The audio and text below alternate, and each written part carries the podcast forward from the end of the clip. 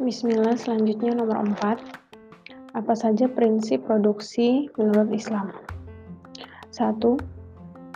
Seluruh kegiatan produksi terikat pada tataran nilai moral dan teknikal ya, yang islami. Menurut Metwali 1992, mengatakan perbedaan dari perusahaan-perusahaan non-Islam tak hanya pada tujuannya tetapi juga pada kebijakan-kebijakan ekonomi dan strategi pasarnya.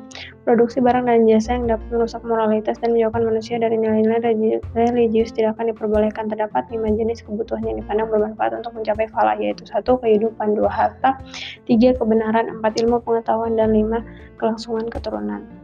Dua, kegiatan produksi harus memperhatikan aspek sosial kemasyarakatan. Kegiatan produksi harus menjaga nilai-nilai keseimbangan dan harmoni dengan lingkungan sosial dan lingkung, lingkungan hidup dalam masyarakat dalam skala yang lebih luas. Selain itu, masyarakat juga hendak e, berhak menikmati hasil produksi secara memadai dan berkualitas.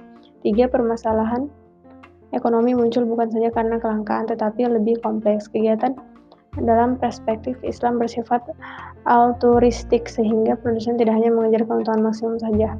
Produsen harus mengejar tujuan yang lebih luas sebagai tujuan ajaran Islam yaitu falah, dunia, dan akhirat.